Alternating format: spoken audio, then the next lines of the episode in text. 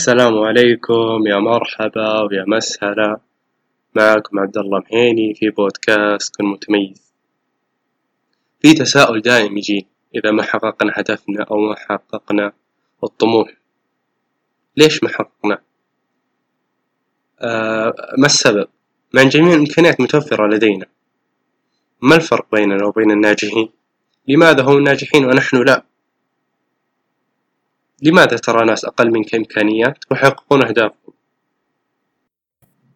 أعدك في هذه الحلقة أن تعرف السبب وأن تعرف الطريقة للنجاح بإذن الله.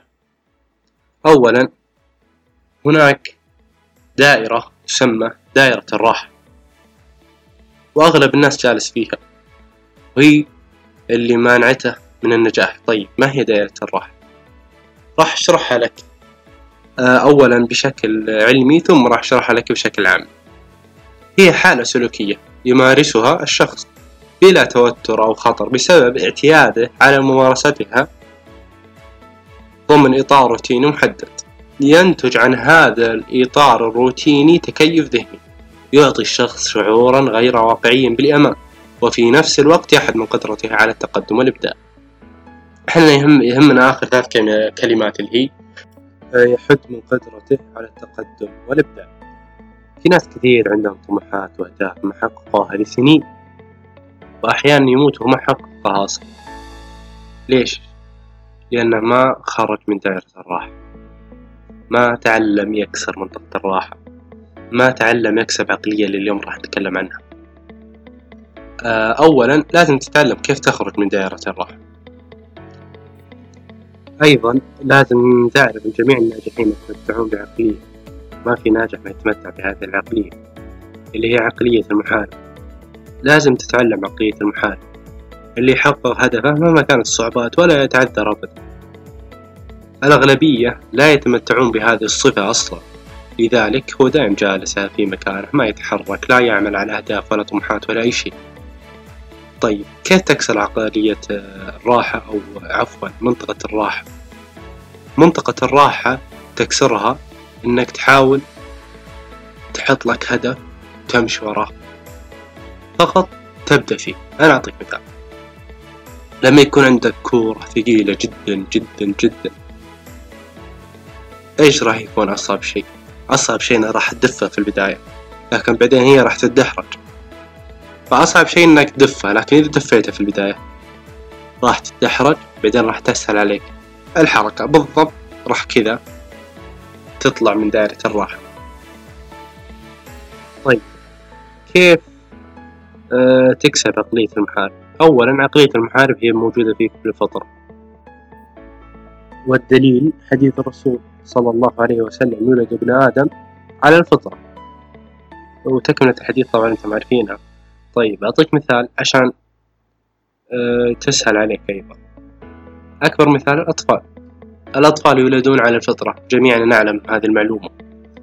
لكن في معلومة قليل منكم يعرفها اللي هي أصعب مهارتين في العالم الكلام والمشي. اللي هي الطفل يتعلمها. أول شيء الطفل أول ما يولد بعد كم شهر راح يحبي. بعدين راح يتعلم المشي راح يسقط ثم راح يقوم. يسقط ثم راح يقوم. لين ما يتعلم يمشي.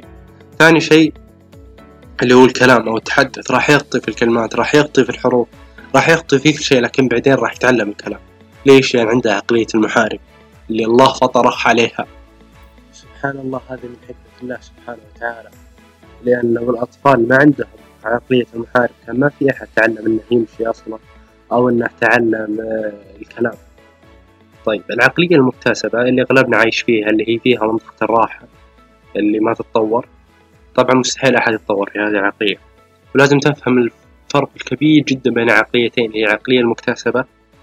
لماذا سميت مكتسبة؟ لأنك أنت اكتسبتها من عاداتك من مجتمعك من تقاليدك من أصدقائك من أهلك من أمثلتك اللي في مجتمعنا أمثلة جدا كثيرة تحث على أنك تقعد في مكانك. أيضا لازم تبدأ تتعلم العقلية الأولى اللي هي عقلية المحارب وراح تلمس نتائج فعلية. عقلية المحارب هي الفطرة كما ذكرت في الحديث السابق. فلازم تغير طريقة تفكيرك. أعطيك مثال ثاني. أنا ما أحب الدراسة. هذا شخص يقول أنا ما أحب الدراسة. طيب هل هو انولد ما يحب الدراسة؟ طبعا لا ما انولد هو ما يحب الدراسة. هو انولد على الفطرة اللي هي عقلية المحارب. طيب ليش صار ما يحب الدراسة؟ من المجتمع من تقاليده من الناس اللي يحبطونه من الدراسة. عشان كذا صار ما يحب الدراسة. طيب هل ممكن يرجع يحب الدراسة. طبعا والدليل حديث الرسول الله صلى الله عليه وسلم عليه يقول إنما العلم بالتعلم وإنما الحلم بالتحلم. يعني العصبية أنت ما انولدت وأنت عصبي. جتك العصبية. شفت أخوك أبوك أمك عصبية صرت عصبي. الدراسة شفت أخوانك ما يحبون الدراسة.